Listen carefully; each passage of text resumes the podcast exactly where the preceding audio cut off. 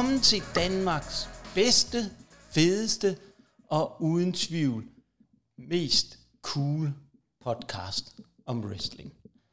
Og Kim, vi sidder jo egentlig i dag, fordi vi skal snakke om uh, Ric Flairs last match. Man kan jo nok godt have lidt tvivl, hvis du spørger mig, om det nu er hans last match, fordi der er jo flere gange, at uh, Ric Flair har trukket sig tilbage og kaldt det sin sidste kamp. Men uh, inden vi sådan kommer ind på det, og Ric Flairs historie og så videre, Kim, så, øh, så, så skal vi jo også lige huske at fortælle vores lyttere om, at vi, er, vi findes på alle de store podcast-tjenester. Vi findes på Apple Podcast, vi findes på Spotify, vi findes på Google Podcast, vi findes på Pocketcast, og sidst men ikke mindst, så findes vi også på den danske tjeneste Podimo. Men øh, lad os nu komme tilbage til det, det hele handler om, Kim. Der er jo sket en del på din banehalvdel siden sidst. Kan du ikke prøve at løfte sløret lidt for, hvad du har gang i med de house shows, I kører for tiden over i, over i Jylland? Ja, jo, altså det kan jeg sagtens. Altså, det er jo faktisk ikke engang, øh, for en gang skyld er det faktisk ikke mig, der ligesom øh, står for det, eller, eller, eller er kommet med ideen. Det er faktisk en, der vi har en, øh, øh en mand, en, en, en, en god mand, der har ligesom øh, lånt os de her træningslokaler. Øh, og øh, han hedder Peter. Ja. Og han sagde til mig, skal vi ikke, øh, om vi ikke kunne tænke os at prøve, øh, det synes han, at vi skulle lave, øh, lave nogle små shows fra, øh, fra vores øh, træningslokale. Øh, jeg havde altid haft lyst til at, at lave nogle shows egentlig, men altså, du ved, jeg vil jo ikke rigtig, synes jeg, presse på med at få en, hvis der kommer en masse tilskuere, eller masser, altså så mange kan der jo ikke være, vel? Men altså, der, der kommer nogle mennesker ud på hans øh, grund, og hans private ejendom ligger lige ved siden af, og sådan noget der. Men han tilbyder det selv, så siger han, skal vi prøve at lave øh, hele august, så laver vi et show hver lørdag, og, og sender det live på Facebook. Og det sagde jeg jo selvfølgelig ja til med det samme. Øh, og så, vi har jo de her nye wrestlere, så sagde han, jamen, altså, så, sagde jeg, så, så, så smider vi altså dem ud i nogle kampe, ligesom for at se, hvad de kan. Så siger han, jamen, er de klar? Fordi de har jo ikke enten trænet hvad de trænede måske 10 gange, 8 gange. Mm, spændende. Øh, øh, så sagde jeg, ved du hvad, altså, man skal ud, de, skal ud, de skal ud og testes. Altså, hvis vi skal lave det her, så skal det også være for de, for de nye. Ikke? Altså, det skal oh. ikke noget, alle, alle kan få lidt ud af. Så det er godt, at det bliver måske ikke øh, du ved, øh, femstjernekamp, øh, hvad skal man sige, i forhold til, hvad vi nu normalt kan levere. Eller så. Men altså, jeg tænker også, det igen, det, det bliver selv live på Facebook. Det koster ikke ret meget at komme ind og se det, og vi kører kun to, en halv time, simpelthen. Så dem, der, vi havde, det første år, der havde vi fem nordmænd, og tre fra Svendborg og to fra København. Så altså, der kom altså nogen udefra alligevel for at se det. Det var jeg så ret imponeret over. Ja, ja. Øh, at, de, at de gider at rejse så langt for at se så lidt, bare de vil sige. Ikke? Ej, nu, jeg, jeg tror så altså godt nok, at nordmænd var på ferie i Danmark. Jeg tror ikke ligefrem, de har rejst fra Norge for at komme Ej, til Wrestling Kim, men altså, Kim, Kim, rolig nu. Vi skal jo, du skal jo sælge det på en helt anden måde der. At, uh, Nå, det er nogle okay. af de største jeg skal fans. Sige, det er jo det, de gør, eller hvad? Ja, ja, okay. ja, jamen det er jo det. Altså, det lyder jo bedre. Ikke? Altså, der er jo nogle gange, ja, okay. så, så må du lige uh, steppe lidt op der. Jamen, altså, det, dengang vi lavede shows i Frederikshavn, der kom, der kom der jo faktisk nordmænd over for at se det. Altså, ja, der, der, der, der havde nordmænd jo deres egen nordmænd, norske fans med, så det var meget cool. Ja, det er da meget Men ja, altså, men det vi laver, det er simpelthen, øh, som jeg kalder nogle, nogle træningsshows, kalder jeg det mere eller mindre, altså hvor vi ligesom kan få gang i folk og se, jamen, øh, kan, kan folk levere, øh, når der er lidt tilskuer på, fordi som jeg siger og mener i hvert fald, det er, at det er jo faktisk sværere at wrestle foran 20 mennesker, end det er at wrestle foran 200 mennesker. Ja, jamen lige præcis. Altså, nogle, nogle flere mennesker, der er nogle nemmere, synes jeg egentlig, det er, hvis jeg skal være helt ærlig. Fordi igen, når det er en lille, et lille sted, og du kan høre næsten alle, bare de øh, trækker vejret, ikke? Jamen, så, øh, så kan du med mig høre, hvis de ikke er tilfredse, og du kan også høre, hvis de er tilfredse.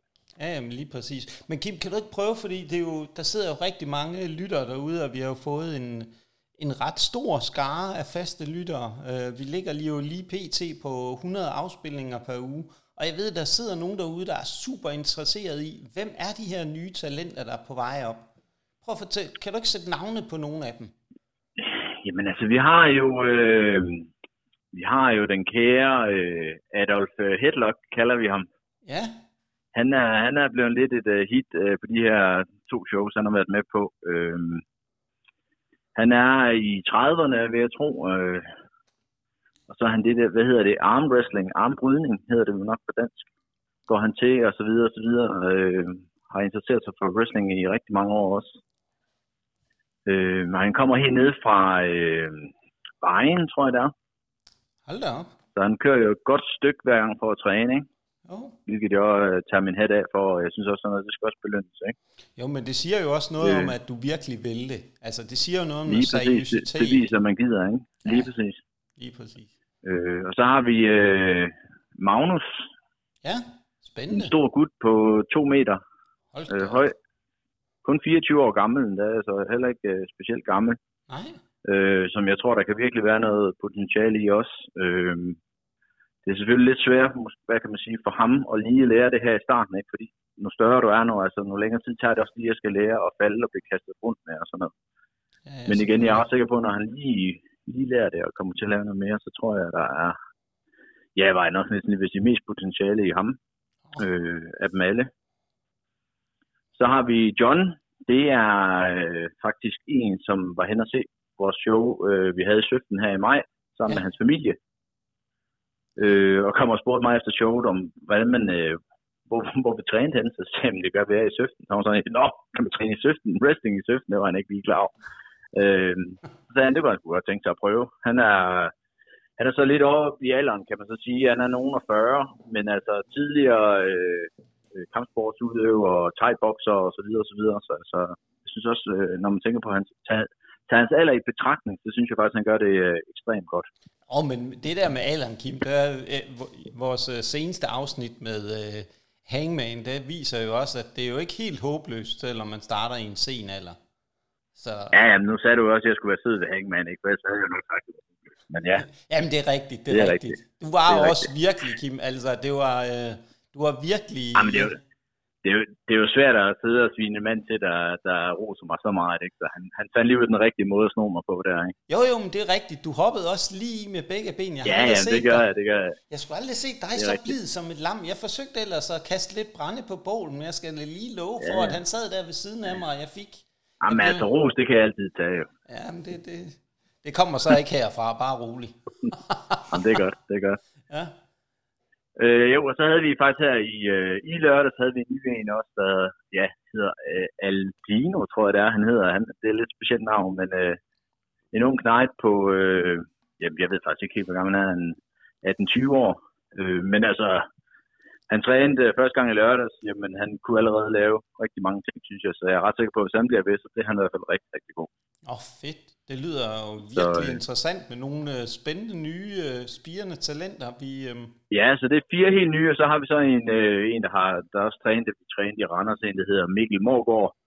ja, Men øh, Mikkel har desværre lidt, øh, hvad skal man sige, motoriske øh, hvad skal man sige, problemer sådan lidt. Han er ikke helt, nej. du ved, altså, det, det kører ikke så godt for ham. Men altså, igen, nu har jeg sagt til ham, vi skal nok på et eller andet til dig, fordi altså, igen, han møder sgu op til hver træning. Ej, det, Han øh, har ikke kørekort eller noget, så han tager bussen fra Randers til Søften, og det tager ham halvanden time hver vej, for at han kan komme frem og tilbage, selvom det er, ligger så tæt på hinanden. Og det er også igen det, jeg har sagt, jamen altså, vi finder på et eller andet, han kan lave, ikke? fordi jeg synes simpelthen, øh, hans arbejdsindsats, den fejler i hvert fald ikke noget, så vi skal nok finde på et eller andet. men kunne det Øh, ikke han være en manager, et eller andet? Altså, det har vi jo... Det har Ja, vi men to. han har også lidt, øh, du ved, hans snakken er måske heller ikke, du ved, øh, jeg, må indrømme, vi- nogle gange så siger vi sgu også bare et par gange, når han siger noget, fordi det kan også godt være lidt svært at forstå. Okay. Så Det er lige, øh, det er lidt op ad bakke, sådan i den retning der. Altså, jeg havde også prøvet lidt med dommer, men altså, Ja, der kan han ikke rigtig helt øh, følge med, hvad skal man sige, i, okay. hvis, der, hvis du laver en masse hurtige nærfor, så øh, følger Mikkel i hvert fald ikke med, var jeg lige ved at sige. Nej, nej. Men altså, vi, vi skal, vi, jeg har sat mig for, at han skal i hvert fald helt sikkert også være med. Ja, i det, det, det, fortjener synes jeg også. simpelthen. Det giver Ja. det fuldstændig ret i. Det skal simpelthen belønnes. Og igen, han er altid i godt humør og kommer med en masse sjove ting, når han lige har lært os at kende og sådan noget der. Så altså, ja, det, det synes jeg helt sikkert, det skal belønnes.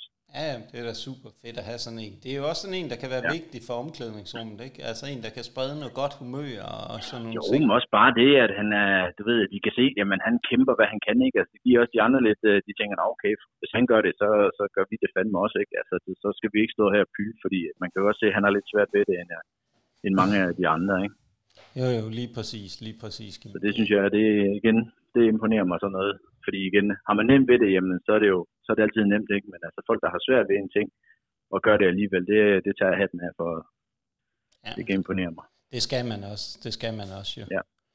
Jamen, øh, der er jo også sket noget på min banehalvdel, og det er jo, du, vi har jo allerede snakket sammen lidt tidligere her på ugen, hvor jeg nærmest ikke kunne ja, være du i mig har jo, du har jo, du har, du har jo blæret dig lidt med det og jublet lidt over det her, ja. Ja, det kan jeg jo ikke rigtigt, så øh, næste år, så øh, kommer wrestleren og nørden, de har øh, forhandlet frem og tilbage med øh, WWE, og de blev simpelthen tvang os til at tage en tur over til LA næste år for at se øh, WrestleMania.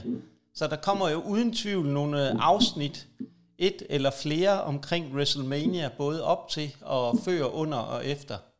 Så vi må se, hvad det er, vi finder på der i forbindelse med det.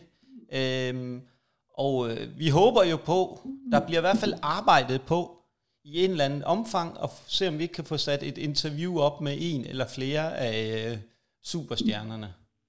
Men øh, vi må se, hvad tiden, vi må se, hvad tiden bringer. Så øh, det bliver spændende.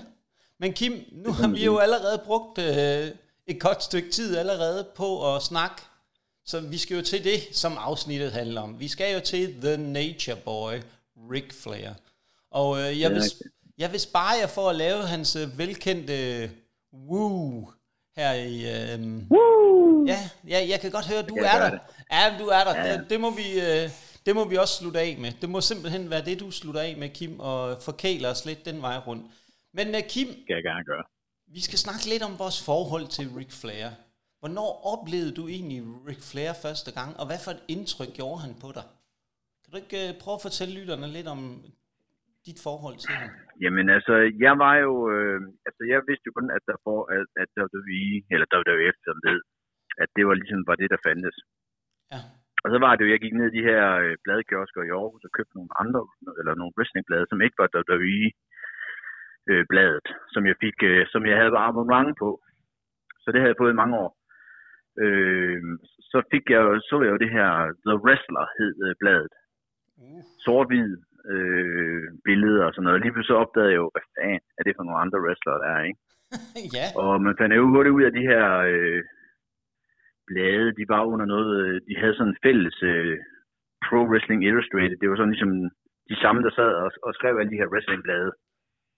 Øh, og der var jo Ric Flair jo en af dem, der hele tiden blev nævnt som være fantastisk hele tiden.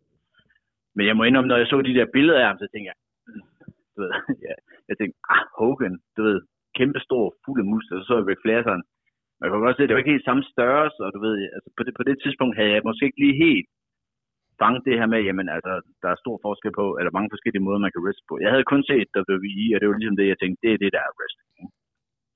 ja. Ja, jamen, Og det, så, øh, ja, men så kom der jo så, på et tidspunkt, så kom den her tyske kanal, der hed RTL, tror jeg, eller RTL Plus, eller sådan et eller andet, et eller andet øh, tysk kanal. ja, Og de sendte jo så, øh, de sendte jo NWA øh, wrestling. ja. Og øh, ja, og faktisk, mens der, jeg boede faktisk i Sverige på det tidspunkt, så havde jeg faktisk, øh, jeg havde faktisk min søster til at optage al wrestling for mig og sende det op på videobånd.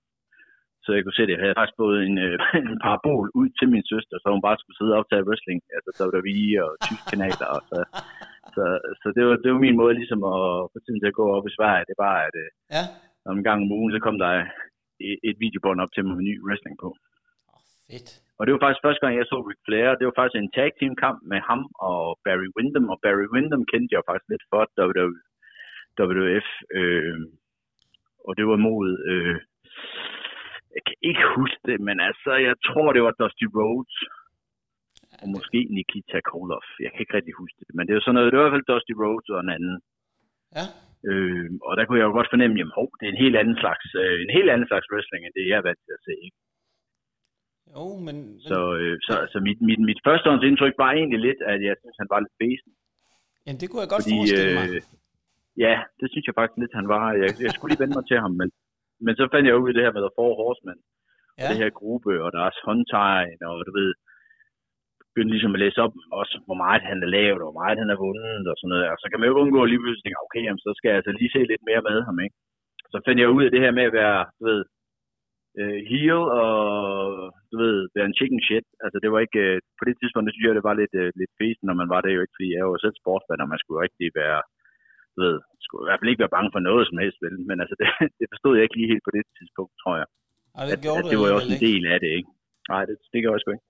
Nej, og der kan man bare se, altså, øh, Ja, der kan man bare se, Kim, Så det- fordi han er så jo... Ric, Ric Flair, Ric Ric Flair begyndte jeg vel egentlig først at beundre, da jeg så ham i Royal Rumble i 1992. Jeg tror faktisk ikke, det var før. Nej, hold da op, hold da op. Ja. Jamen, jeg, jeg har jo også lidt ligesom dig, vi er jo nogenlunde samme alder, så det er jo, øh, min historie er jo på mange måder også, altså, Så var det jo utroligt, vi er samme alder, og du ser så meget ældre ud end mig, men altså, sådan er Jamen, det jo. jeg ved, jeg ved det godt. Altså, nu, nu er det jo heldigvis sådan, at modsat øh, dig, så har jeg jo stadigvæk en øh, ganske fin hårpragt. Lidt ligesom Ric Flair, og der, der er jo nok nogen, kan man sige, sammenligninger mellem øh, Ric Flair og mig, når det nu kommer til stykket, ikke? Altså, han har, Det er jo, sejt, no, nej. Han har jo noget Det glæder jeg mig til at høre, hvad det er. Ja, ja, men det kommer, det kommer, og det er nu, du skal lytte ja. rigtig, rigtig godt Ja, jeg efter, lytter, vil jeg jeg sige. lytter. Ja, det, er godt, det er godt, Kim, det er godt. Det sker ikke så tit, men det er flot. Det må jeg sige, stor ros. Jamen, man kan sige, Ric Flair er jo på mange måder det, jeg elsker ved wrestling, for at sige det lige ud. Han har jo den der presence, som jeg synes er så utrolig vigtig en wrestler. Jeg så ham jo også første gang på... Øh, jeg tror faktisk, det var øh, RTL også, øh, jeg så ham første gang, hvor jeg bare, altså den der måde, han kommer ind, altså jeg tror, det var, det var ikke så meget hans wrestling faktisk, jeg faldt for til at starte med. Det var faktisk den, øh, hans entrance. Simpelthen den der måde, og den der storhed, og de der kæmpe store kåber, han kommer ind i, og fjerboer og alt muligt. Han var jo fuldstændig anderledes end alt andet. Øh, og den der måde, og hans øh, væremåde, og den der arrogance, det elsker jeg jo, arrogancen, og ja.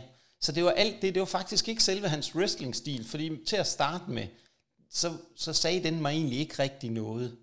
Fordi jeg synes ikke rigtigt, der var en sammenhæng mellem den måde, han kom ind på, og den måde, han wrestlede på. Fordi jeg nok ikke, der havde jeg ikke så meget erfaring med wrestling endnu, men han, han er en wrestler, der voksede på mig stille og roligt, jo mere jeg så med ham. Så, så jeg var jo også fuldstændig solgt, kan man sige, til sidst, fordi han, han havde jo den der måde, at han var bare the dirtiest player in the game. Ikke? Han lavede alle de der små øh, narestreger og spark i skridtet, som vi jo også kommer til at snakke lidt om, når vi skal snakke om The Last Match. Og alle de der, de der sjove ting, han... Øh, Men det sjove var jo også, at jeg synes, jeg så ham i rigtig mange kampe, og han vandt jo stort set aldrig nogen af dem. nej, nej, nej, men det er jo ikke det, men han havde det jo Så sådan han blev altid diskvalificeret, eller du Ja. ved, et eller andet sådan, ikke? Altså, han vandt jo ikke ret meget. Jeg er jo vant til, du ved, jamen ham der er world champ, han vinder jo hele tiden. Altså, det, jeg forstod det ikke på det tidspunkt der i starten af, Nej. Men det er jo også derfor, han netop fik prædikatet The Dirtiest Player in the Game. Netop fordi han havde de der ting. Han gik og lavede, altså, han, han fik bæltet, og så lavede han faktisk nærmest ikke andet, følte man at blive diskvalificeret på den ene eller den anden måde.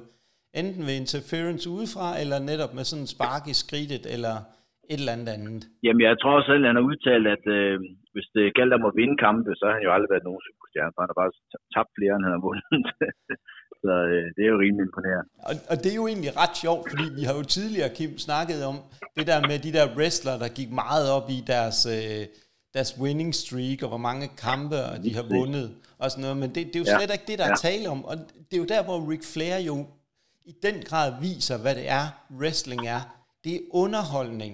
Det er... Øh, Lige præcis. Det er teknik. underholdning. Det er jo ikke, det er ikke ægte kamp, og hvis det er ægte kamp, jamen, så forstår jeg godt, at man kan selvfølgelig gerne vil vinde, men det her det gælder ikke om at vinde og tabe, det gælder om at underholde. Ikke? Så altså, det, ja, det har han fanget 100%. Og han, han er jo eminent til at underholde. Også fordi han får jo reaktion fra publikum med det samme. Ikke? Enten så var han, når han øh, skiftede rundt, han var jo mest heel, men der var jo et par gange, hvor han var babyface, kan man sige. Ikke? Så, så, så han har, har jo sådan eminent til at kunne netop fange essensen af den rolle, han ligesom skulle påtage sig. Ja, så altså, han vel nærmest den øh, wrestler, som der er flest øh, kendte, der, der, der elsker lige, lige altså, øh, øh, han er jo med i alverdens, altså jeg vil sige lige nu, der er han jo foran Hulk Hogan, altså der er jo flere, der snakker om Ric Flair, øh, end, end der snakker om Hulk Hogan, selvom jeg synes jo, Hulk Hogan var større end ham på det tidspunkt, ikke? Jo, jo. Men han har ligesom, øh, han har kunne vedligeholde det her, fordi der er mange, der er vokset op og har været imponeret over Ric Flair, ikke? Hvor man, når man engang bliver lidt voksen, så bliver man nok sådan lidt mere, for eksempel Hogan, ikke? Så tænker man, ah, okay, så godt var det heller ikke det, du lavede, vel? Altså. Nej, nej, men præcis. Og det er jo egentlig sjovt, ikke? Fordi vores generation, som du selv siger, ikke? der er jo rigtig mange, der snakker om Hogan her i ja. Europa og sådan noget, de kan huske Hulk Hogan, fordi vi så jo ikke på samme måde Ric Flair dengang. Nej, lige præcis. Men han har jo bare været så meget større, og det viser jo, hvor stort wrestling er i USA. Altså, ja. og hvor stor han har været derovre, ikke? Hvor en legende han er. Jo. Jamen også bare det, den, øh, den, øh, altså, det, han har kunne rejse rundt, og den måde, han, som vi alle nok ved, han har levet på, ikke? Altså, oh, bare, altså jeg ved godt, man kan selvfølgelig ikke sige, det er imponerende, at han har været, uh, han har drukket og festet hver nat, eller hver aften, men altså et eller andet sted, når man så samtidig også kan levere den slags wrestling, og øh, gør, det, gør, jamen, gør det så mange år i træk, altså, så må man alligevel tage hatten af og sige, det er med også, øh, det kræver jo med også en mand at kunne klare, ikke? Jo, jo, jo, jo, men lige præcis. Det er jo ikke lige frem, fordi man kan sige, at øh, hans, øh, det kan man jo også se hans, i hans ansigt og så videre, ikke? Og, og kroppen, ikke? Altså, det er jo ikke fordi, han har levet sundt og passet på sig selv. Så på nogle, nej, punkter, nej, nej, nej. på nogle punkter kan man sige, det er egentlig imponerende, at han stadigvæk i den alder, han har nu, kan gå ind og lave en last match, for at sige det lige ud. Jamen altså, jeg tror aldrig, der kommer en mand, altså der kan det Ric Flair kunne. Altså, jeg tror aldrig, der kommer en mand, der kan tage så mange bombs og gøre det, Ric Flair har kunnet. Altså, og, og heller ikke sådan alder, som han er nu. Altså, nej, altså jeg nej. tror også, hvis Ric Flair kunne vælge, så vil han helst, så vil han helst dø i en wrestlingring. Altså, det, og det tror jeg bare, det er ja. sådan, han er. Altså, det er, det er hans liv simpelthen, ikke? Jo, jo, men det er. Altså, det, jeg tror ikke, der er forskel på Ric Flair i, i ringen og uden for ringen. Det er simpelthen, det er nej, nej, smeltet tror, fuldstændig det er, sammen. Ja. Den del. Det tror jeg også. Men Kim, det er, jo, det er jo interessant, at vi, vi har så meget, når vi endelig kommer i gang, også to omkring en, for at sige det lige ud, en legende, og nok den største, hvis øh, vi sådan skal prøve at fjerne os øh, lidt uden for vores egen lille andegård, så er det jo nok den største wrestler nogensinde. Jamen, jeg tror, det er sådan en, uh, Ric Flair er sådan en, man kommer til at snakke om, når han engang er død, ikke? så kommer man til at finde ud af, hvor stor han egentlig er, ikke? Fordi det er jo tit sådan, det er jo, ikke? Altså, når folk er der og i live, så, ligesom, så bliver man ikke helt den legende, man egentlig fortjener. Men jeg tror, når han engang er, hvad skal man sige, gået borte, jamen, så tror jeg, man finder ud af, hvor meget, hvor han egentlig også har, har altså, hvor meget han egentlig også har leveret til wrestling, ikke? Altså, jo, jo, men det er jo det, og det er jo det, der nogle gange er lidt spøjst, ikke? at man finder ud af, hvor, for alvor, hvor stor man har været, når, øh, ja, når de første er gået bort. Ikke? Så man kan sige, jo. hvis vi prøver at kigge lidt på, hvem er Ric Flair? Og man kan sige, at vi skal jo helt tilbage til den 25. Øh, februar 1949, hvor han bliver øh, født. Og der, der er sådan lidt øh, tvivl omkring, hvad for et navn man egentlig skal kalde ham, fordi han, øh, hans oprindelige forældre, de hed Phillips til efternavn, så han kalder sig Fred Phillips til at starte med, men senere der kommer, bliver han kendt under navnet Richard Morgan Filaire. Øh, og man kan sige, fordi han netop blev adopteret af nogen, hans øh, forældre var ikke øh, nogen, der kunne øh, tage hånd om ham. Og øh, man kan sige, dem, der ligesom adopterede ham, de valgte ligesom efter noget tid at tage ham med til Minnesota. Og i sine unge dage, der var Ric Flair faktisk en ganske god amatør-wrestler på et ret højt niveau, og han vandt to øh, statsmesterskaber i 66 og 68. Og det medførte af en eller anden spøjs årsag så, at de tænkte, jamen når han kan, er god til amatør-wrestling, så bliver han da tilbudt et uh, fodboldstipendiat til, på The University of Minnesota. Og, men af en eller anden grund, der var det ikke rigtig Ric Flair, øh, det der fodbold. Så han droppede ud og da han droppede ud, det var der, hvor wrestling-karrieren sådan for alvor tog fart for ham. Og det var da, øh, og den forbindelse, der ligesom kom, hvor Ric Flair blev taget ind i selve det, der hedder øh, wrestling, det var da han arbejdede som udsmider på en øh, lokal natklub. Og her mødte han den øh, olympiske vægtløfter, der hed Ken Patera. Og det var ham, der fik øh, Ric Flair introduceret til Vern Gagne, hedder han. Øh, der var det var ejeren af WA. Lige præcis. Der på, han var kendt som en... Og olympisk øh, bryder også. Ja, han var kendt som en ret hård negl. Og, øh, ja, som faktisk har trænet rigtig mange det af jo, de store navne. Det er nemlig det, han har. Og Ric Flair, han blev en del af den der træningscamp i 1971, som selvfølgelig ikke inkluderede Patera. Og så en, øh, en legende, det kan vi ikke løbe fra, Kim. The Iron Sheik. Yes. Og Jim Brunzell. Og der, derefter, så kan man sige, så er det kun et spørgsmål om tid, inden The Nature Boy, han udviklede sig til den helt fantastiske underholder, eller entertainer, kan man kalde ham, og wrestler, vi, kom til, vi kender i dag. Og hans debut, det var faktisk selvfølgelig under AWA, og det var helt tilbage i december, den 10. december 1972. I, øh... Men det, du, vidste du godt, at han vejede faktisk 300 pund, da han startede med at wrestle? Nej, 300 pund, så var han en kæmpe stor. Han var en ordentlig, en ordentlig basse. Ja. Og man, når du ser billeder fra ham på den tid, kan du faktisk ikke engang kende ham.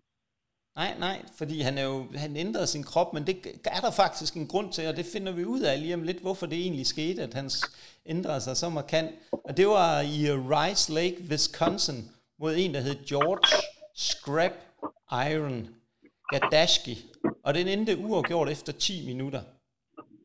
Og så er det, jeg tror, det er den proces der omkring, hvornår det der navn Ric Flair egentlig opstod. Det er sådan lidt svært at sige øh, præcis. Og i sin tid øh, hos AWA, der havde han kampe mod en, vi kender i den grad, Dusty Rhodes, Chris Taylor, og en, kan man sige, en legende også, Andrew the Giant, Larry Henning, og Wahoo øh, McDaniel. Jeg bare lige sige, det er Mr. Perfect far, ja.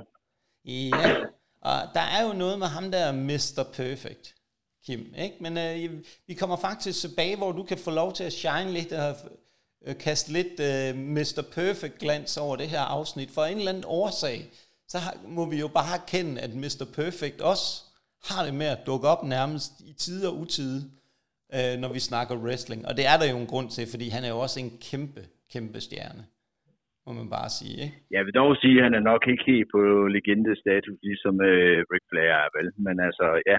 Nej, men hvis vi ser det med dine øjne, så er det tæt på i hvert fald. Men, det, men, men hvad skal man sige, Mr. Perfect Kurt Henning, altså han blev, altså, han blev jo sammenlignet med Ric Flair rigtig mange gange, ikke? jo, de havde jo. den her tekniske stil begge to. Ja, og så skete der jo noget, efter han havde været i to år hos AWA, så forlod han det i 1974 for NWA, National Wrestling Alliance. Og der vinder han faktisk hurtigt sin første titel den 9. februar 1975. Det er jo otte dage efter jeg blev født, kan man sige. Så der var han allerede godt i gang. Og der slog han en, der hed Paul Jones fra Mid-Atlantic TV Championship. Men så skete der noget, der faktisk... Paul, Paul Jones endte også som uh, manager i NWA. 80'erne. Okay, kan du huske under hvilket navn? Jamen, som Paul Jones. Som Paul Jones, okay, ja. ja. Men så skete der faktisk i uh, oktober 1975, der var Ric Flair indblandet i et meget, meget voldsomt flystyrt i North Carolina. Og det medførte faktisk, at Ric Flair brækkede sin ryg tre steder. Og der fik han at vide i en alder af 26 år, at han skulle ikke regne med at komme til at wrestle igen. Men øh, tre måneder senere, der stod Ric Flair i ringen igen. Og det, det, det lyder jo helt sindssygt, at øh, han på en eller anden måde kan være så hurtigt klar igen. Så, så... Ja, men nu skal man jo også tænke på, at når man siger, at nakken er brækket, der er jo mange måder, man kan brække en nakke på. Det er jo ikke sådan, ligesom når man ser i en film, du ved, at øh, de får brækket hovedet, nærmest om på den anden side. Altså, det er jo forskellige slags bræk i en nakke, ikke? Altså, ja, ja. Kurt Angle brækket jo også, havde brækket nakke til olympisk lege, vel? Altså, hvis det er jo ligesom du ser en film, han har fået brækket nakken, ikke? Hvor de ja, dør af det, eller sådan, ikke? Altså, ja, ja. Så det, det er slet ikke det, det er jo ikke sådan, man snakker om det. Nej, det er ikke på samme måde, vel? Men ja. altså, ja, altså, det er imponerende. Mm. Og man får aldrig den samme nakke igen, når den først har mm. haft sådan en bræk. Nej, og jeg kan se her, Kim, altså faktisk nogle af de oplysninger, jeg havde suget til, der står der, at det er ryggen, men uh, det, det giver ikke nogen mening, at det er ryggen. Det har helt sikkert været noget nakkebrud af en eller Ja, men det er jo nok igen det, når man går ned ad rygsøjle og ja. nakke, ikke? Altså, det, der, ja, ja. så er det sådan lige efter, hvad der lyder mest fantastisk, tror jeg det. Så. Ja, ja, det lyder også mere vildt med ryggen, kan man sige. Altså, hvad vil sige, hvis han er bare i ryggen, så tager det ikke kun tre måneder. Nej, det gør det i hvert fald ikke. Så, og man, så, man ja. kan sige, det uheld, det havde nok, øh, det havde den påvirkning, at Ric Flair fra at være den der store brutale type blev nødt til at ændre sin wrestlingstil, simpelthen på grund af uheldet. Han var jo tidligere kendt som brawler, altså en meget fysisk wrestler. Nu ændrede han sin uh, wrestling til en, uh, en grappling-stil. Og det, og det var den grab... også, han fandt også ud af, tror jeg, at uh, man lige pludselig kan nogle ting, uh, når man ikke er så stor og klodset, bare lige vil sige. Ikke? Jo, det, kan, det, det er nok ikke utænkeligt, at det har spillet ind her. Man kan sige, det var for alvor her, hvor Ric Flairs gimmick så far. Og så kan man sige, det vi også kommer til at snakke lidt om nu her fremad øh, i det næste, det er, at vi har valgt at fokusere på Ric Flairs øh, runs hos øh, WWF, WWE og WCW. Fordi i 1991, der skrev han under med øh, WWF, og der tonede han frem på tv som The Real World Champion med The Big Gold Belt, som vi kommer til at se senere i den her. Den første kamp, det var det, som tit, når man ser, når der kommer en ny wrestler på banen, det var en ren squash-kamp mod en, der hed Jim Powers, øh, den 29. september. Og han gik straks i gang med at udfordre diverse wrestler til højre og venstre, flankeret af sin executive consultant, Mr. Perfect. Der var, havde vi ham igen, Kim, og hans financial advisor, Bobby, The Brain Heenan. Uh, hans run i WWF, det strækkede sig over perioden 91 til 93. Og her kommer der en, noget, der siger rigtig meget om Ric Flair og hans mindset og den måde, han har set sig selv som wrestler allerede. Han havde en uh, ganske særlig klausul i sin kontrakt med WWF. Det var, at uh, hvis han blev rykket ned som uh, midcard wrestler, så uh, kunne han uh, vælge at forlade dem. Og det skete. Så derfor forlod han dem allerede i uh, 93 og skiftede til WCW. World Championship Wrestling. Og det er jo her, hvor der begynder at komme noget af det, vi har snakket om, Kim, The Four Horsemen.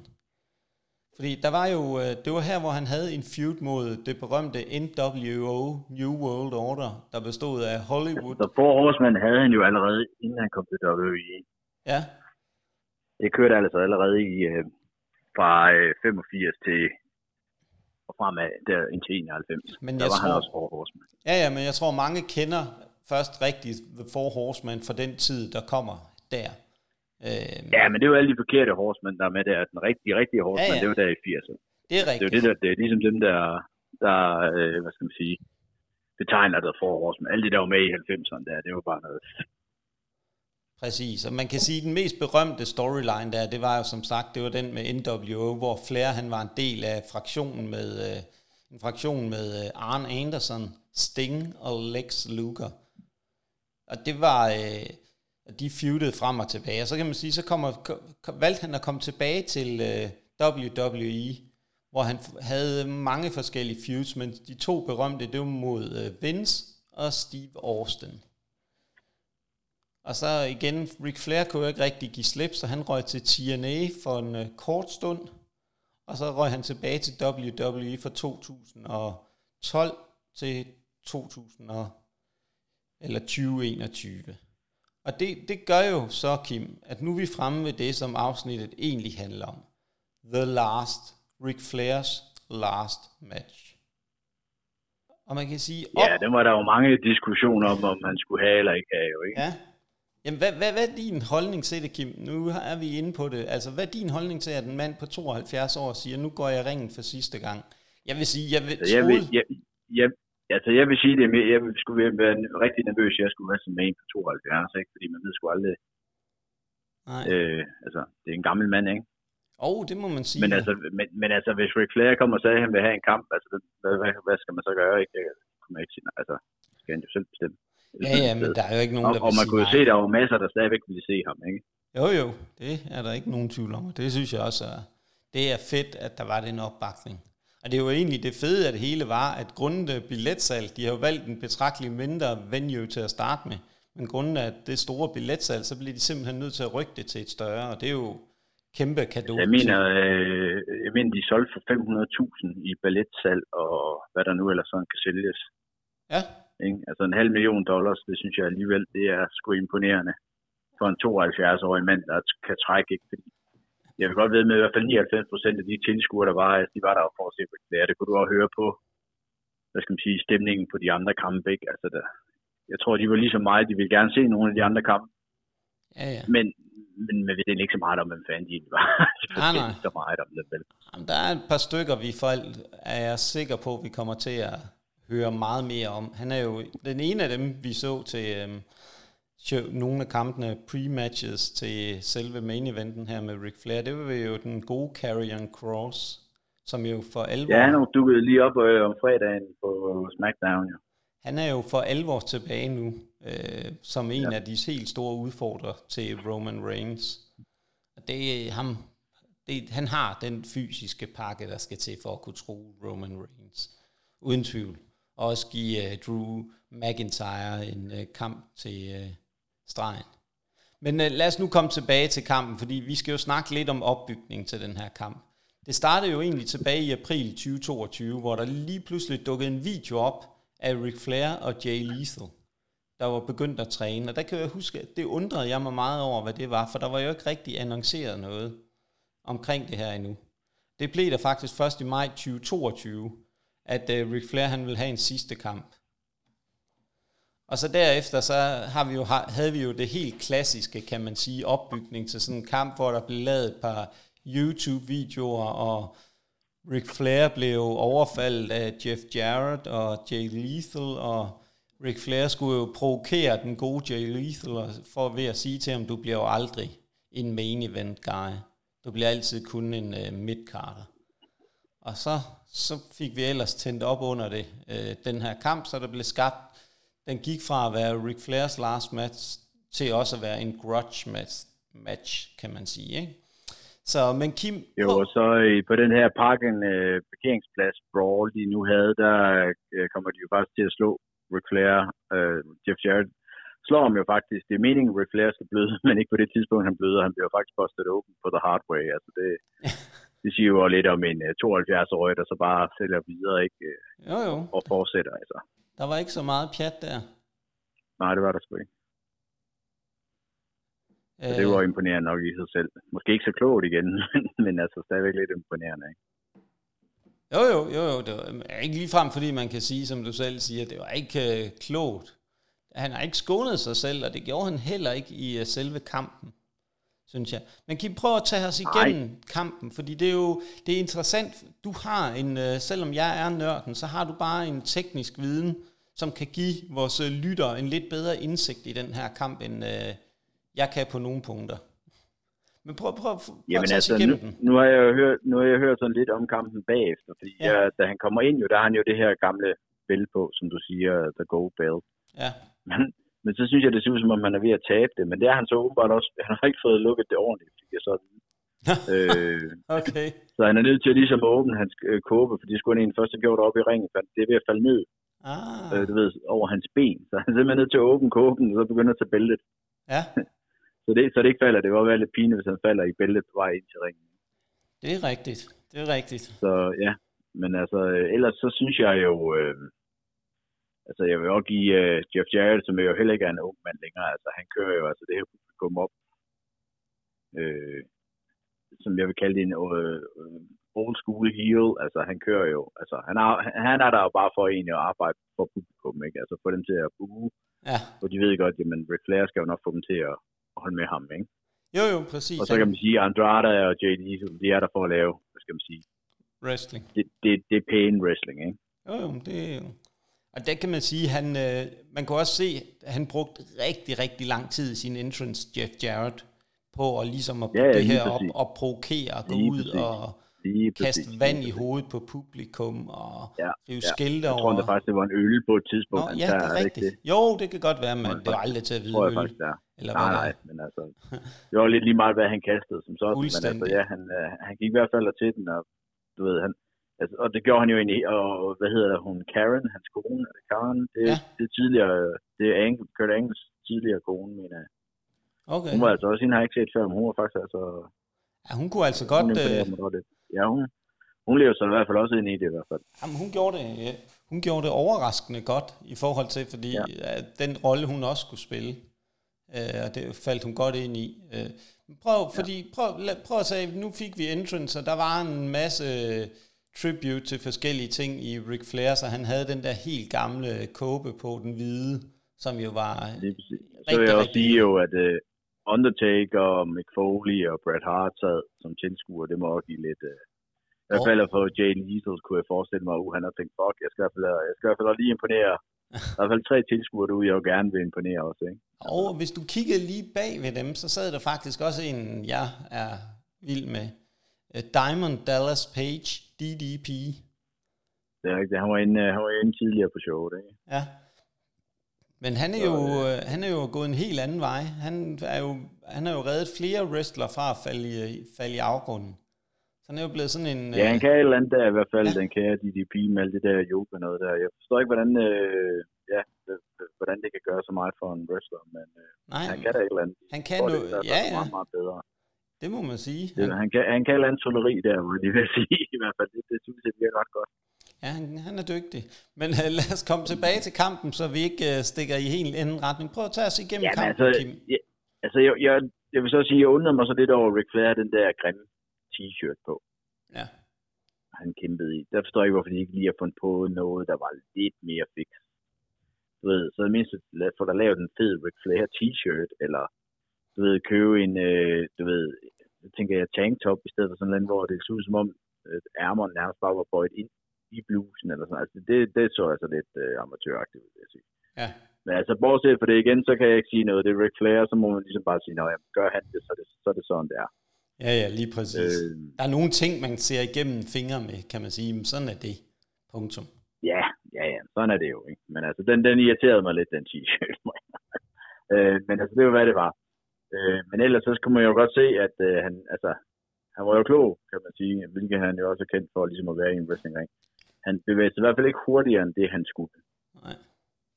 Nej, det gjorde han og ikke. igen, nej, det gjorde han ikke. Og så er han sgu også heldig, at hans uh, signature move, det er et chop, ikke? Fordi det kan han jo altså godt lave, selvom han nok blev 100, ikke? Så han stadig kunne gå ind og lave chop der fra, ikke? Så det jo også rimeligt heldigt, at det er en af de ting, han, han ligesom kan få det her publikum i gang med.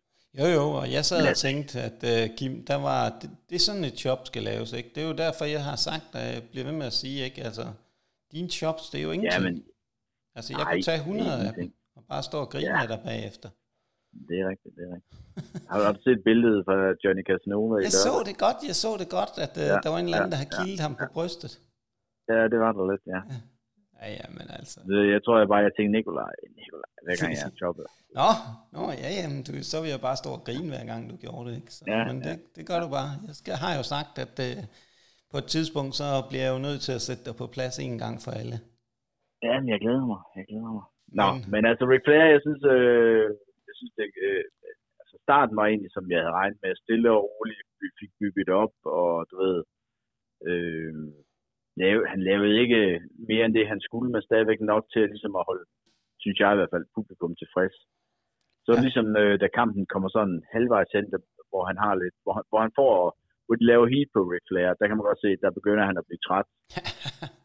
han er ramt. Men ja, øh, ja, ja, for mig ser det i hvert fald ud som om, at det er, det er ikke det træthed, og hvad skal man sige, at han er sådan lidt, de tænker, uh, uh, uh? Okay. Øh, men nu hørte jeg jo så Jeff Jarrett's podcast om kampen, Ja. Og Jeff Jarrett siger altså, jamen, Ric Flair var helt, helt skarp. Altså, der var ikke noget med, at de holdt fint. Altså, de snakkede jo hele tiden med ham. Og der var ikke noget med, at han siger bare, jamen, jeg sælger bare, jeg sælger bare, jeg har det fint, jeg har det fint, jeg har det fint. Ja. Øh, så, så altså, jeg tror egentlig bare, at han øh, var klog og, og sælge så lang tid han kunne, fordi han vidste godt, jamen jeg kan godt lige være lidt langsommere her, end jeg normalt ville have været, ikke? fordi publikum må acceptere det. Altså, dem, dem, der er, dem, der er betalt for at se det, de er jo så selv kommet for at se Ric Flair, så de accepterer det jo nok næsten lige meget, hvad fanden det er. Jeg synes, han viste øh. netop sin, øh, det jeg kalder, som vi også nogle gange har snakket om, det vi kalder ringintelligens og ring awareness. Ja. Altså han var jo eminent til at sætte tempoet, skrue op lidt, når der kunne skrues op. Han følte, han havde det overskud. Få skruet tempoet ned igen. Der er dog et tidspunkt, hvor han øh, går ind i kampen og er med, og ligesom bliver ind i ringen, hvor, hvor han ikke får tagget med Andrade. Øh, ja. der, der undrede mig lidt over, hvad det gik på. Det sprang de ligesom bare ind over. Altså igen, så tænker jeg bare, nå ja, hvad fanden, det er Flair, han får lov til det. Jo, jo, præcis. Øh, det, der var mange ting. Jeg synes, det var fedt at se, at vi også fik hans uh, style and profile, når han gik efter, at uh, de andre havde forsøgt at gøre grin med det. Ja, ja, ja. Men også, at, uh, også igen det med Jay Lethal, øh, lavede en figure 4 på ham. Øh, som jo ja, er ja, ja. den eneste, der har fået ham til at tabe ud på en figure 4. Så der var også sådan en henvisning ja. til det. Der var en masse af de der lækre ting, som... Nå, ja, men må, må jo så også sige, at uh, Ric Flair må jo have en stor uh, scene, en, må jo se en eller anden stor ting i Jay Lethal, siden det er ham, han beder om at komme og træne sig. Ikke?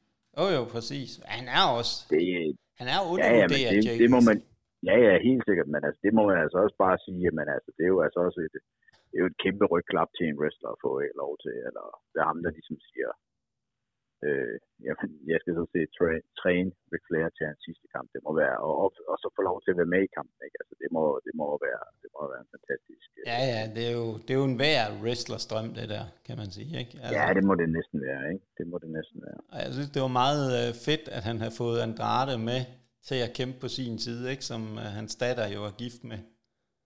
Ja, ja, lige præcis, lige præcis. Altså, nå, jamen, altså, selve opbygningen til kampen, øh, jeg ved godt, altså, igen, så ved jeg ikke rigtigt, at de forsøgte jo, og det skulle være så ægte, og det her, og de Ja. ja. snakkede jo meget, og, altså, altså, det, kan ikke helt, det bliver ikke helt bit så meget af, fordi Nej. jeg ved jo godt, det ikke er det. Så det Ja, er sådan ja. lidt, jamen, det er, det, er- det er sjovt nok, at I forsøger at prøve det, men det gjorde ingen forskel på mig for kampens skyld, om, om de har gjort det eller ej. Altså, Nej, jeg fordi, så bare kampen for, hvad jeg, hvad, hvad jeg ligesom så for, at det var Ric Flairs sidste kamp, og den vil jeg egentlig bare gerne se.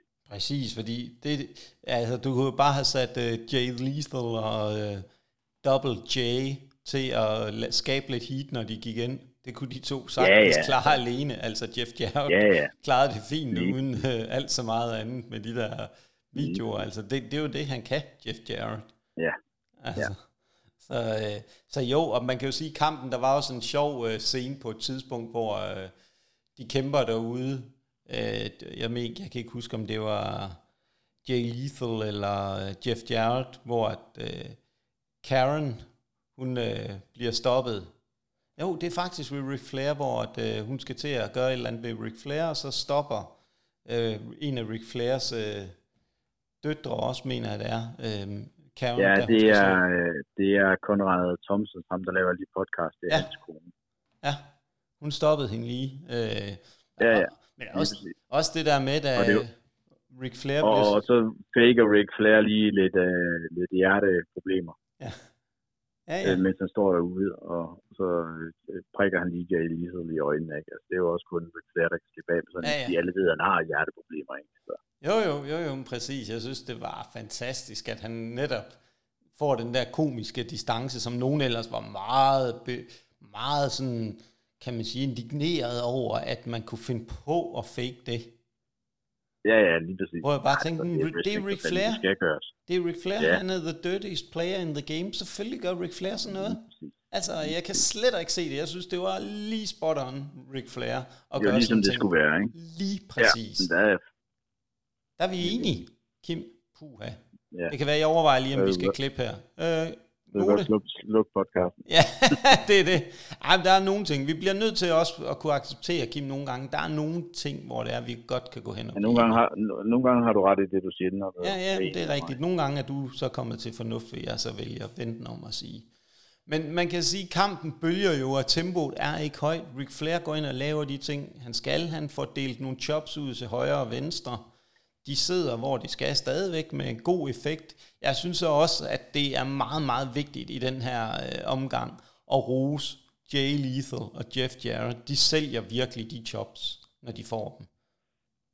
Helt sikkert, helt sikkert. De Altså, sælger de, øh, rigtig godt sige, på det. Du kan, ikke finde meget, du kan ikke finde to, der kunne gøre det meget bedre, end de to gør, fordi de forstår, hvad de er der for. Ikke? Altså, de, ved, de ved godt, hvad deres job i den her kamp er. Ja. Det er ikke at få dem til at se godt ud. Det er for, til, de er der for at få Ric Flair til at se godt ud. Ja, og Ric Flair kan lave de ting, øh, som Ric Flair skal. Lige præcis. Og Andrade var god til lige at give lidt, øh, når der var de der mellemsekvenser i kampen, den måde den sådan ligesom Ja, så, det, der så kom man lige ind og gav den gas, ikke? så Ja. ja. folk ikke var sådan helt nede i tempo. Så de op og køre lidt igen, og så kunne Ric Flair komme ind og køre lidt slow igen. Så det var, jeg synes, det var genialt sat op. Og så må man sige, at afslutningen, den var, altså, det kunne næsten ikke gøres bedre, synes jeg. Med hvor der bliver kastet et øh, knogjern ind i ringen. Og Andrade det var også griber. Conrad Thompson, der kastede Ja. det ind, faktisk. Andrade griber det, for Ric Flair ligger derude, altså at han kommer op derfra, han sælger den altså godt, han kommer op, han er nærmest helt konfus. Dommeren er slået ud, øh, og øh, Ric Flair banker, øh, kan man sige, med knogjern Jeff Jarrett ned. Ja. Han, han falder ned, er helt væk. Øhm. Og når du mærker en lille lækker detalje, det er, han med det samme, han har brugt knogjern, så putter han lige ned i hans knæbeskytter, så det er der ikke er nogen, der opdager det. Yes, yes, yes. Det, um, det tror det... jeg, det, det, det, gør han bare i søvn og sådan noget. ja, ja, præcis. Og går hen og laver den, som vi alle sammen sad og ventede på kommer. Der kommer en figure for leg lock. Og den nye dommer ja, kommer der skulle jeg nok ikke selv have... Ja, med over den dommer, der kommer ind, er rent faktisk en uh, kæmpe stor Ric Flair-fan, en uh, lokal dommer. Okay. Noget med, at han har et... Uh, I hans hus har han simpelthen et helt vers med Ric Flair-ting. Nej, det er klasse. Det, det er klasse, at de giver sådan en. Ja, den giver de lige ham for ligesom at sige, og så giver ham en klap på skulderen. Så det ja. skal også være lidt Men du var ved at sige noget, Kim, og, øh, omkring øh, slutningen og fik jeg foran. Ja, ja, Altså, øh, der var jo så et lille problem der, at Ric Flair ligger så ned på ryggen også, og dommeren tæller. Ja, men dommeren, han gør det jo lige... rigtigt, Kim, fordi han vender ja, ja. fokuset ned mod Jeff Jarrett. Og mod Jeff Jarrett, ja. Men altså, Ric Flair, jeg synes godt lige, igen, så skulle han nok lige bare have lagt sig på albuerne, altså, et eller andet. Det ja. var bare ligge sig helt ned på ryggen, ikke? Altså, oh, jo. Men ja, men, altså, men igen, det er Ric Flair, jeg skal ikke, øh, så vil jeg ikke, øh, jeg vil ikke, jeg vil ikke sige noget til ham. Nej, man kan ikke sige noget, Kim. Det skal vi heller ikke. Det er Nej, jo ikke det, vi skal ikke. vurdere kampen ud fra. Modsat, jeg vil Nej. sige, og det, det er der, hvor jeg på en eller anden måde godt kan... Nu er vi en lille podcast her i Danmark, men når jeg har hørt nogle af de andre større sider, der har været inde og kommentere, jeg synes lidt, de glemmer at se kampen i det perspektiv, kampen skal ses i. Som en underholdning og en homage til Ric Flair, hvor han kan få lov til at vise noget af det, han, han bare elsker. Han elsker jo bare wrestling. Og du får ham aldrig yeah. til at stoppe med, at, med wrestling, selvom man kalder den The Last Match. Ja, men øh, han blev jo faktisk tilbudt ugen efter, blev han jo faktisk tilbudt at komme ned i Puerto Rico og wrestle, fordi der skulle han være i, i Andrades hjørne ja. kampen. Så de tilbød ham faktisk rigtig mange penge for, kan du ikke lige tage en sidste kamp mere? Så sagde han, jamen jeg har jo lige haft den sidste kamp. ja, men vi kan sige, det er din sidste kamp i Puerto Rico, siger de så til ham. Så der takkede han nej, så han har, men han nok, han nok stadigvæk været lidt små og sådan noget. Men han havde gået to uger, så er jeg ikke sikker på, at han har sagt nej. Nej, det er nok, det tror jeg, du har ret i. Og det, det der faktisk er, at det var Cardets længste kamp på 27 minutter. Det er... Men altså, de brugte også meget tid på at komme ind og ud, og ja, igen, ja. altså, jeg tror, hvis du tager kamptid, så, så var den nok ikke så lang. Altså, nej, nej. Tror, den følte Nej, nej, præcis, men det var også det, den skulle. Det skulle være Carters længste kamp. Vi skulle have en Ric Flair. Vi skulle have ja. den sidste dosis, måske for mange af Ric Flair. Og så er det det. Ja. ja. Og man kan sige, altså, der var jo alt det, der skulle være. Der er jo ikke så meget mere at snakke om med den kamp, fordi det var jo jeg synes, den var fantastisk. Det var det, jeg havde forventet af den. Og den... Ja, men altså, den gjorde, det, den gjorde det bedre, end jeg havde forventet, vil jeg sige. Ja. Jamen, det, så, det, så det er jo altid godt. Jeg tror ikke, jeg havde sat barn så højt, fordi jeg havde lidt svært ved at vide præcis, hvad jeg skulle forvente. Ja, uh, det er også rigtigt. Og det, det, det, der synes jeg faktisk, den så, som du selv siger, på en eller anden måde leverede den mere, end man turde håbe på. Og det, er jo, det synes jeg altid er positivt med det her med wrestling, for nogle gange så har vi i den grad også øh, oplevet, at det går den anden vej. Ja. Men Kim, så er vi jo allerede ved vejs ende, og selvom vi har sagt, at det kun skulle være et afsnit på en halv time, inden vi gik i gang, så rammer vi stadigvæk på den her Ric Flairs last match snart en time. Så jeg tror, vi skal prøve i dag ligesom at sige, at vi cutter den af her Øh, lige om lidt i hvert fald, fordi vi skal jo lige have rundet det af, kan man sige. Og øhm, det, der er vigtigt for os at sige igen, og det kommer vi til at gentage ved hver afsnit, vi er dybt, dybt taknemmelige for alle jer, der lytter med. I skal bare vide, det er jer, der er med til at give os den her motivation uge efter uge for at lave de her podcast, den her podcast. Vi elsker det, vi gør, og I får os til at elske det endnu mere. Kim og jeg, vi øh, vi undskylder allerede lidt her, fordi der skete faktisk det i det her afsnit, at vi var enige. Vi var enige meget mere, end vi plejer at være. Men for Jamen, ligesom det må du klippe ud, hvis det er. Ja, men det kommer jeg ikke til. Men for at kaste lidt brænde her på bål, Kim, øh, inden vi sådan for alvor lukker af, så kan jeg jo sige, at øh, i aften, eller i nat bliver det faktisk, der øh, bliver nogen, øh, alt skønhed forenet i en stor øh, flot, et flot festfyrværkeri, fordi The Young Bucks, de øh, bliver, øh, genforenet med The Best Bout Machine Ever. Kenny Omega vender tilbage, eller det forventer jeg helt sikkert, for de er med i The Trios Tournament. AEW har øh, lavet en turnering, hvor det, øh, det er trioer nu, der kan vinde bælter, og øh, Young Bucks forsøgt Jamen, at få overtaget. Igen, det, er jo, det er jo bare gammelt. Altså, der har jo været uh, six-man tag bælter så mange år. Altså, jeg forstår ikke, hvorfor, hvor, hvorfor hedder de pludselig trioer? Ja, men sådan det er, er bare six-man tag. Ja, men Kim, det, det, det må, du må følge med udviklingen. Det her, hvor vi siger, at øh, der er sket meget siden sidst. Men øh, du kommer jo til at, du kan jo overveje, Kim, i nat så at se øh, no, altså skønhed genforenet. Noget af det bedste. Det mener, jeg, jeg mener, jeg skal lave noget andet øh, på det du, tidspunkt. Du sover, tror jeg. Det er klokken to øh, om natten. Jeg er i hvert fald sikker på, at jeg skal noget andet. Ja, men det ved jeg godt. Det, øh, det er også det, altså, når man kan jo sige, det kommer vi ikke til at snakke om i næste uge. Det bliver en overraskelse til jer lytter, hvad det er, øh, det bliver. I må vente og glæde jer. Men øh, vi vil godt sige tusind tak herfra. Og Kim, tak for øh, en god snak om Ric Flair. Det var en fornøjelse at øh, snakke om, vi kan godt blive enige om den største wrestler. PT. Det tror jeg, ja.